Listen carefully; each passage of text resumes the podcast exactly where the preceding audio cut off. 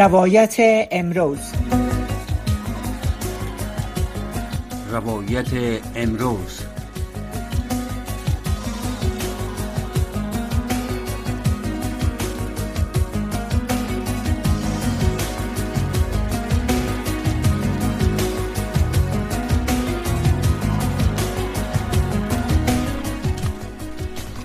عرض سلام وقت بخیر دارم دوستای عزیز. خوش آمدید به برنامه روایت امروز که به میزبانی من سهر عظیمی برای شما تقدیم میشه. موضوع بحث نیم ساعتی امشب ما موضوع موزلات اقتصادی در افغانستان هست. با چه تحلیلگر و کارشناس برنامه در مورد راهکردها در موردش صحبت خواهند کرد.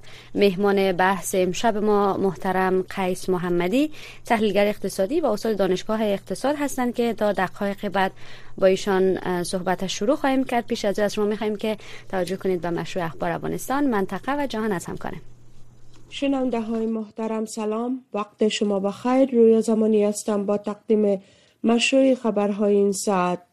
کمیته بین المللی صلیب سرخ در افغانستان یا ICRC با ابراز نگرانی از افزایش تلفات ناشی از انفجار ماین و مواد منفلق نشده باقی مانده جنگ می‌گوید که سالانه صدها نفر در این کشور قربانی انفجار ماین می شوند. این کمیته امروز شنبه گفت که تنها در سال گذشته میلادی 450 انفجار ماین و مهمات منفلق نشده در افغانستان به ثبت رسیده است. به گفته این کمیته در این حوادث 995 نفر کشته و زخمی شدند. صلیب سرخ آمار دقیق جانباختگان و مجروحین این رویداد را مشخص نکرده است. بر اساس معلومات کمیته بین المللی صلیب سرخ 97 درصد قربانیان این انفجارها در سال 2022 غیر نظامیان بوده و از این میان 56 درصد آن را کودکان تشکیل می دهد از سوی دیگر دفتر هماهنگی امور کمک های بشری سازمان ملل متحد یا اوچا می گوید که از سال 1989 میلادی به این سو کم از کم 57 هزار غیر نظامی در افغانستان در اثر انفجار ماین و سایر مهمات باقی مانده جنگ کشته یا زخمی شدند.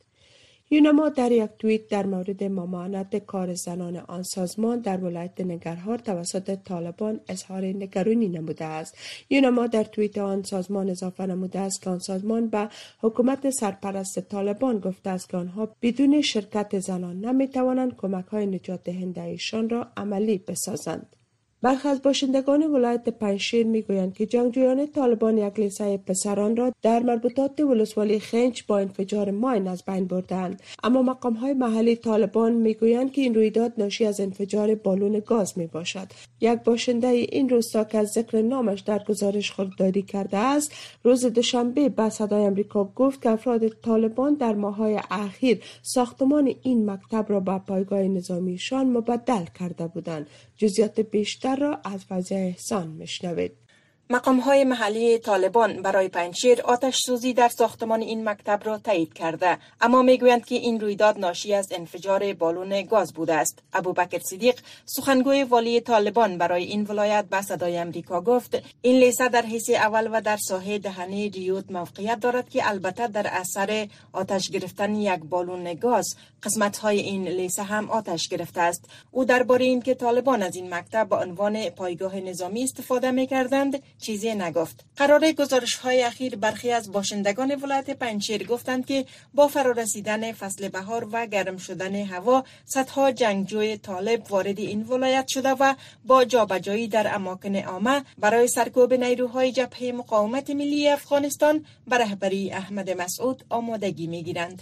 وزارت خارجه حکومت طالبان تایید کرد که قنسولگری روسیه در مزار شریف فعالیت خود را از سر گرفته است. خبرگزاری تاس روسیه روزه گذشته از قول زمیر کابلوف نماینده خاص روسیه برای افغانستان گزارش داد که این قنسولگری دوباره به کار خود آغاز کرده است. ادامه خبرها از امواج رادیو آشنا صدای امریکا ستره محکمه پاکستان امروز شنبه فیصله کرد که تصمیم کمیسیون انتخابات در مورد تاخیر انتخابات زود هنگام در دو ایالت این کشور غیر قانونی است و دستور داده است که این انتخابات از سیوم اپریل تا 15 می برگزار شود. این خبر از سوی تلویزیون محلی جیو گزارش شده است. کمیسیون انتخابات پاکستان انتخابات در ایالت های پنجاب و خیبر پختونخوا را به دلیل کمبود منابع به 8 اکتبر تاخیر کرده است.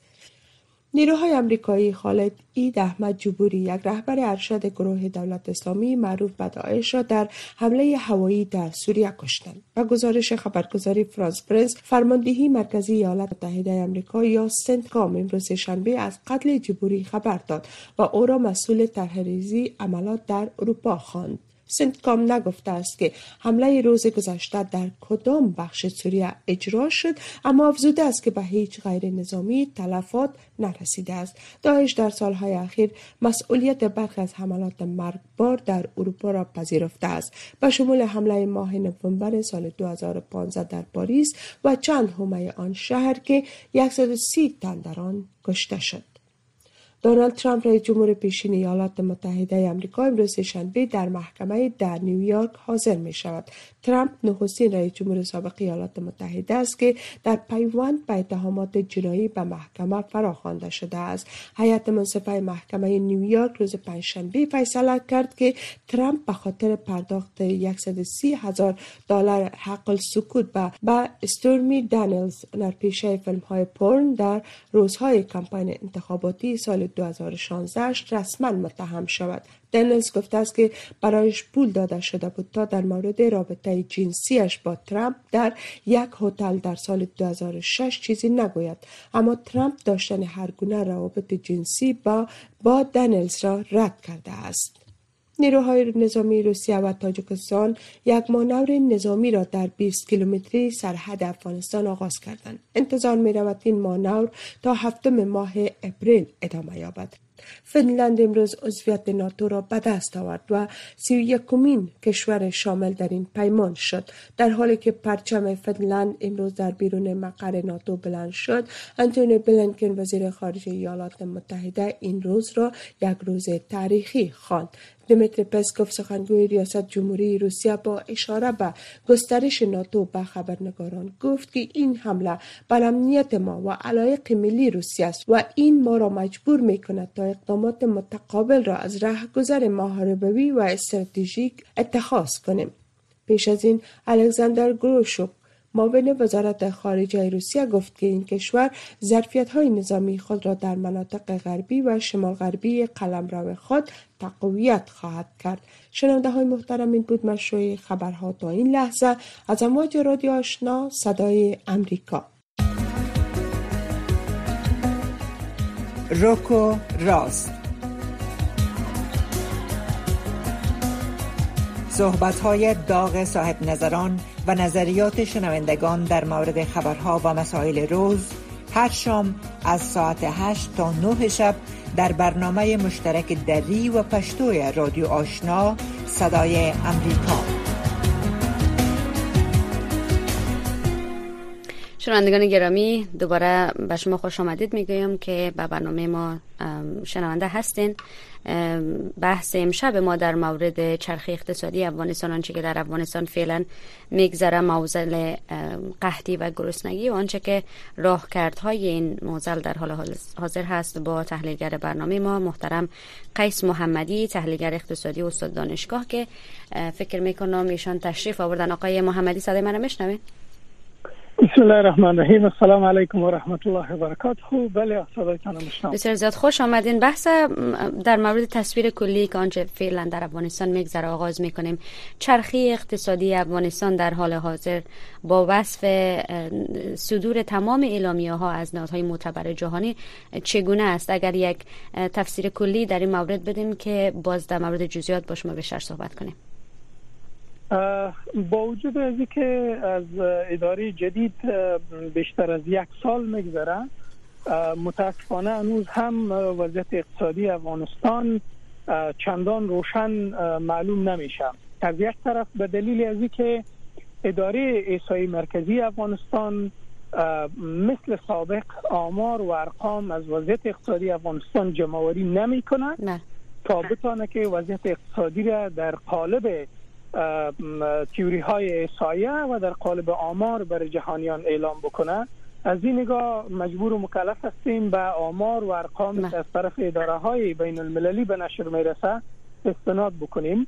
و از طرف وقتی که به شاخص های بزرگ اقتصادی نگاه کرده میشه تفاوت چندان محسوس نمیشه. مثلا در اینجا به دستاوردا و همچنان به مشکلاتی که وجود داره اشاره می‌کنم. بله. در سال 2019 و 20 در افغانستان آید سرانه بالاتر از 675 دلار در افغانستان بود. به این معنا که هر افغان به طور اوسط در یک سال 650 دلار آید کمایی می‌کرد. این متوسط است. به این معنا که حتی اطفال و کانچالایی که کار نمی‌کنن هم شامل از او است. بله. متاسفانه امروز این رقم به حدود 350 دلار پایین آمده. ای به این معنا که این نصف شده تقریبا. نصف شده و مردم افغانستان وضعیت اقتصادیشان به اندازه نصف نسبت به سالهای گذشته خراب شده. دلایل از بسیار زیاد واضح است. از یک طرف کار جدید ایجاد نشده و کار جدید زمان ایجاد میشه که سرمایه گذاری وجود داشته باشه. پروژه های توسعوی در افغانستان روی کار بیاید و استخراج معادن افزایش پیدا بکنه که متاسفانه در یکی از عرصه ها گام های با وجود از اینکه گام ها گرفته شده اما کارهای عملی چندان چشمگیر صورت نگرفتن از طرف اگر به سطح انفلاسیون که یکی از مسئولیت های حکومت ها دیده شود متاسفانه سطح قیمت ها رو به افزایش بوده. و خود قیمت ها بالای زندگی مردم تاثیر منفی کرده. باعث ازی شده که امروز فقر بله. گرسنگی در افغانستان به مراتب نسبت به سالهای گذشته افزایش پیدا بکنه به اساس آماری که از بانک جهانی نشر میشه بالاتر از 80 درصد مردم افغانستان مواجه به فقر و گرسنگی هستند. ای به این معنی است که اکثریت مردم افغانستان کمتر از یک دلار یعنی کمتر از 90 افغانی در یک روز آید دارند. که اینا بتانن غذا بخورن. و اکثریت مردم افغانستان که در خانه های مثل خیمه زندگی می‌کنن به خاطر خوردن روزمره خود غذای کافی ندارن. بله. به می شکل اگر به یک تعداد دیگه از شاخص ها مثلا بانکداری در افغانستان نگه داشته, نگه داشته باشیم همچنان معلوم میشه که هنوز هم بالای اخذ پول از بانک ها محدودیت ها وجود داره با وجود از که محدودیت تغییر کرده بله. و اما اندک بسیار اندک تغییرات بله. مثبت آمده ولی موجودیت محدودیت خودش به این معناست که وضعیت بانکداری هنوز هم با ثبات نشده و مشکلات وجود داره اگر که در یک عرصه های نشانه های مثبت از فعالیت های اقتصادی دیده شده مثلا مبارزه که با فساد صورت گرفتن با وجود از که منتفع نمی‌کنه موجودیت فساده یعنی بله. هنوز موجود داره به این خاطر مبارزه و اون صورت می‌گیره اما آقای محمدی با معذرت که گپ شما را من قطع می‌کنم اما عدم موجودیت فساد فکر نمی‌کنین به خاطر ای است که اوقدر که قبلا در افغانستان پول و, و نقدینگی در افغانستان موجود بوده فعلا اصلا اوقدر پول وجود نداره که فساد باشه. فکر نمی‌کنین بسیار رابطه مستقیم داره با کاهش فساد به خاطری که بستر فساد و قدر مثل گذشته فراهم نیست.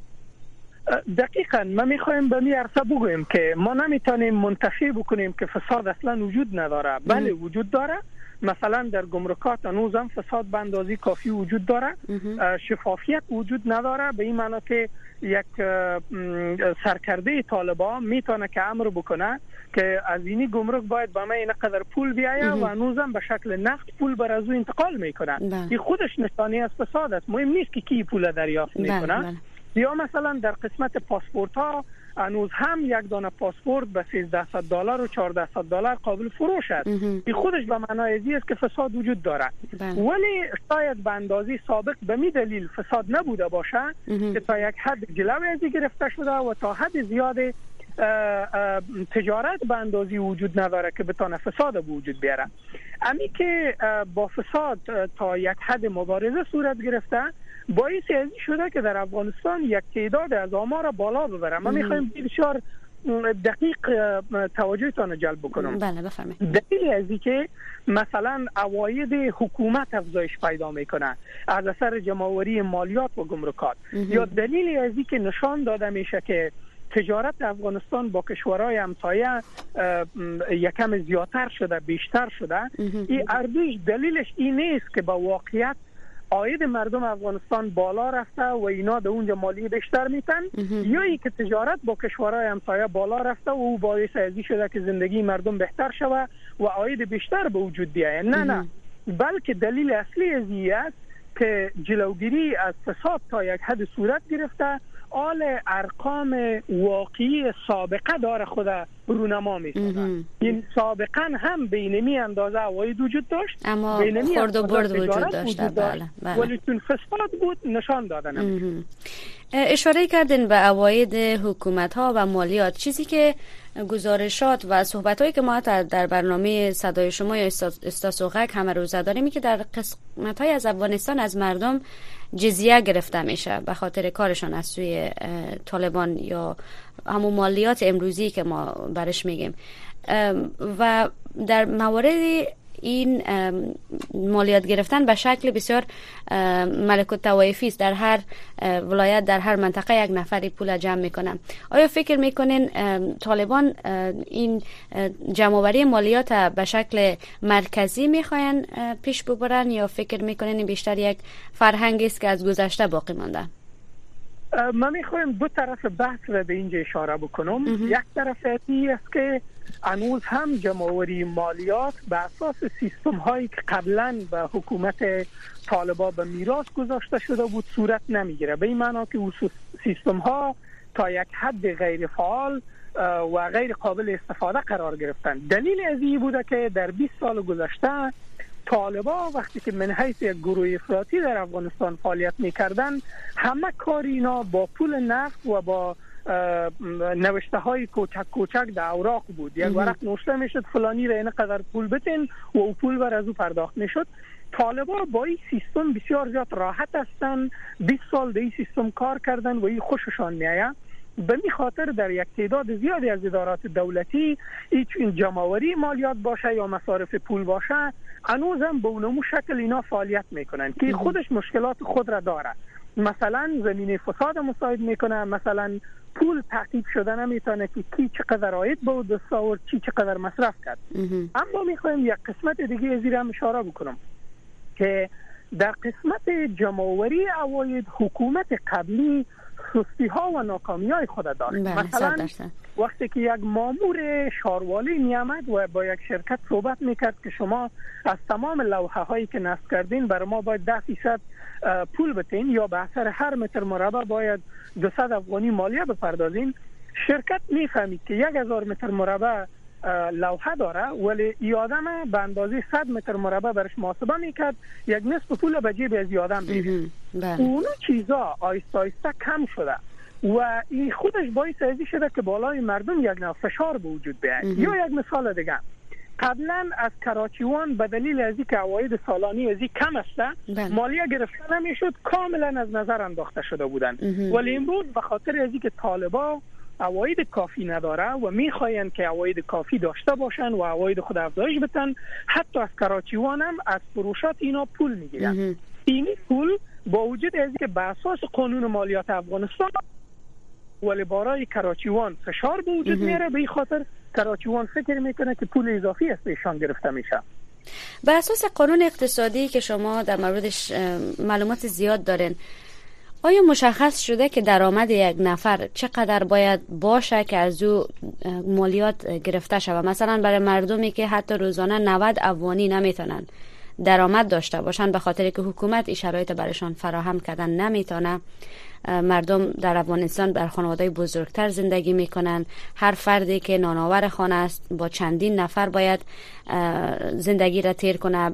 به اساس امو, امو درآمدی هم که داره شاید نفقه امو افراد بس نکنه.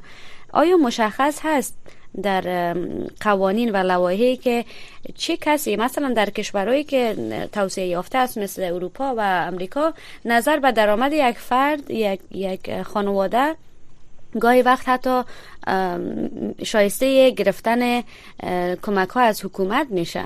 به خاطر که درآمد همی خانواده نظر به آنچه که شرایط هست بسنده نیست به خاطر ناندهیشان. اما در افغانستان ما همچین سیستمی نداریم. ما شفاخانه داریم که مردم رایگان می‌تونن مراجعه کنن. مکاتب رایگان است. تا حدود دانشگاه ها می‌تونه رایگان باشه. اما یک خانوادی که از نظر اقتصادی پشتوانی نداره ما هیچ کسی نداریم. غیر از اینکه مردم خودشان به شکل خیریه برشان کمک کنن اما کسی که فعلا 90 افغانی روزانه درآمد نداره چطور می‌تونه که اصلا مالیه بده از او پول نداشتهش برای طالبان؟ شما کاملا دقیق فرمودین. در قانون مالیات افغانستان قانون قبلی را اشاره می‌کنم. بله.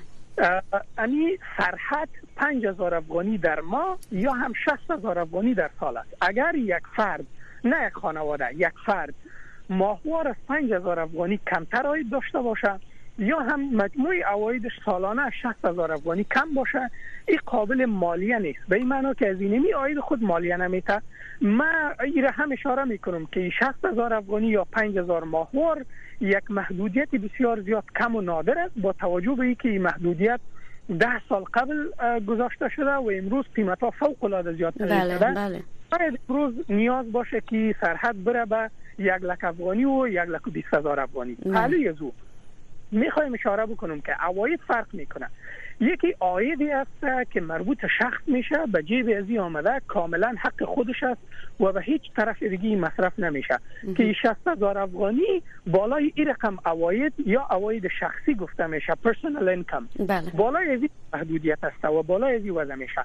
اما مالیات وقتی که گرفته میشه در پالی ازی که از چونین اواید گرفته میشه مالیات بر فروشات گرفته میشه. مالیات بر فروشات به این معنا که اگر یک شخص 100 افغانی یک جنس فروخت این را باید بفروشه به 110 افغانی. به این معنا که 10 افغانی از خریدار به نام مالیه بگیره. وقتی که مامور حکومت آمد برش بگه بفرمایید 10 افغانی را برای شما گرفته بودم اینه براتان میتم اینی مالیه عبارت از مالیه است که در 20 سال گذشته فروشنده فکر می‌کرد این من حیث مفاد به جیب ما باید بیایه. امروز وقتی که از پیش از او این و مالیه گرفته میشه بالا از او فشار وارد می‌کنه و فکر می‌کنه که حکومت آمده و مفاد از گرفته. حالان که او را به نام فیل تکس یا مالیات بر فروشات یاد می‌کنه از جیب مشتری رفته نه از جیب فروشنده. بله. آقای محمدی تا اخیر برنامه تقریبا 5 6 دقیقه فرصت داریم برای جنبندی بحث. می‌خوایم یک اشاره به موضوع تورم یا انفلامسیون هم داشته باشیم از شما که چگونه حکومت فعلا در افغانستان می‌تونه مهار کنه این این تورمی که بسیار زندگی را برای مردم سخت ساخته به نظر شما؟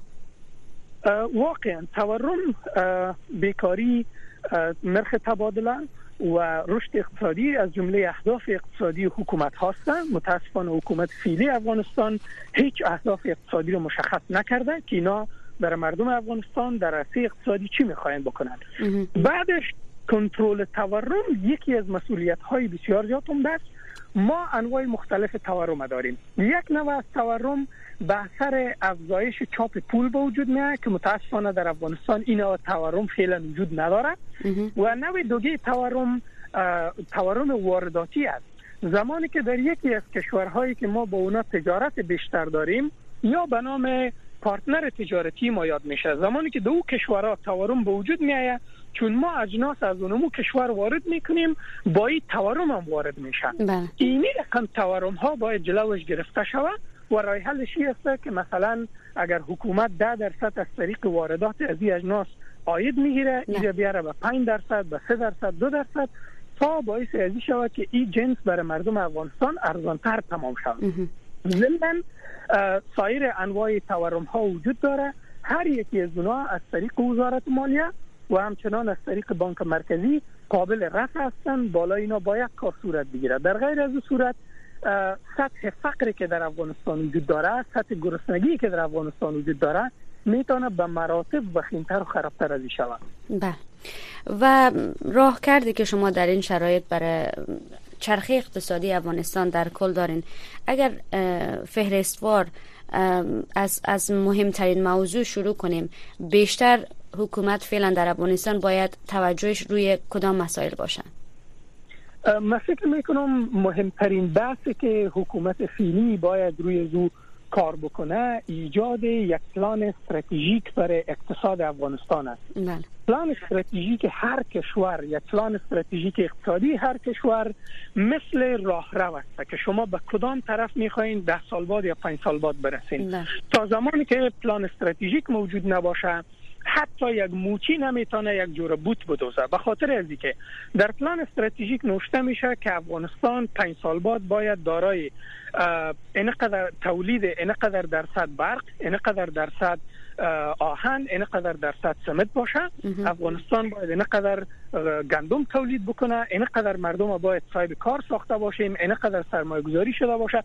یعنی تمام اهداف برای پنج سال بعد تعیین میشه. بعد از او هر وزارتی که در افغانستان فعالیت های اقتصادی داره اینا پلان استراتژیک اهداف خود می‌گیرن بر از او کار می‌کنن. مثلا وزارت کار امور اجتماعی میخیزد تضمین می‌کنه که ما تا پنج سال بعد باید اینقدر جای کاری ایجاد بکنم بله. وزارت اقتصاد میاد پروژه ها را ترتیب می‌کنه وزارت زراعت میایه آبیاری را درست می‌کنه وزارت برق میایه اونجا بندهای برق درست می‌کنه یعنی تمام مردم افغانستان با توجه به اینکه در پلان استراتژیک چی گنجانیده شده فعالیت های خود انجام میدن بله. حتی یک مکتب حتی یک پانتون خصوصی تمام اینا تا زمانی که پلان استراتژیک در افغانستان وجود نداشته باشه مردم افغانستان حکومت افغانستان سکتور خصوصی افغانستان در قبال رشد و توسعه اقتصادی کور است نمی‌فهمند که دارن به کجا میرن. سپاس فراوان. خیلی ممنون جناب آقای محمدی. از اینکه صحبت های همه جانبی شما را شنیدیم در برنامه. تلاش می‌کنیم در برنامه آینده با شما صحبت بیشتر در قسمت هر شاخص اقتصادی که در موردش صحبت کردیم شامل کمبود کار پروژه های انکشافی موضوع استخراج معادن موضوع تورم که بسیار در این روزها برای مردم افغانستان مشکل ایجاد کرده بیکاری فقر گرسنگی مسائل دیگه که از شما در موردش اشاره داشتن موضوع بانکداری و در کل موضوعی از هم مهمتر کمبود آمار و احصایی که از داخل افغانستان فعلا ضرورت است که بتانن در موردش یک, نگاه جمالی به موضوعات داشته باشن خیلی خوشحال شدیم که شما را در برنامه داشتیم. امیدواریم که در برنامه آینده هم میزبان شما باشیم. جناب آقای محمدی از شما خدافظی می‌کنیم. امیدواریم که موفق باشیم. همچنان خدا شما رو سلامت داشته زنده باشین تشکر موضوع جای بحث داره. سلامت. بسیار خوب. شنوندگان گرامی با صحبت های آقای محمدی و پایان بحث امشب هم می‌رسیم. امیدواریم که شنونده برنامه ما باشین. در آینده بیشتر سر هر یک از این بندها با آقای محمدی صحبت های طولانی تر هم خواهیم داشت. امیدوارم که شنونده برنامه های رادیویی و تلویزیون صدای امریکا باشین. فراموش نکنین که برنامه ما هم از طریق ستلایت هم برای دوستایی که در افغانستان دسترسی ندارن و برنامه ما نشر میشه. تا که دوباره در خدمت شما دوستای عزیز قرار بگیرم. شما رو به خداوند بزرگ میسپارم. شب روز شما بخیر. خدا نگهدار.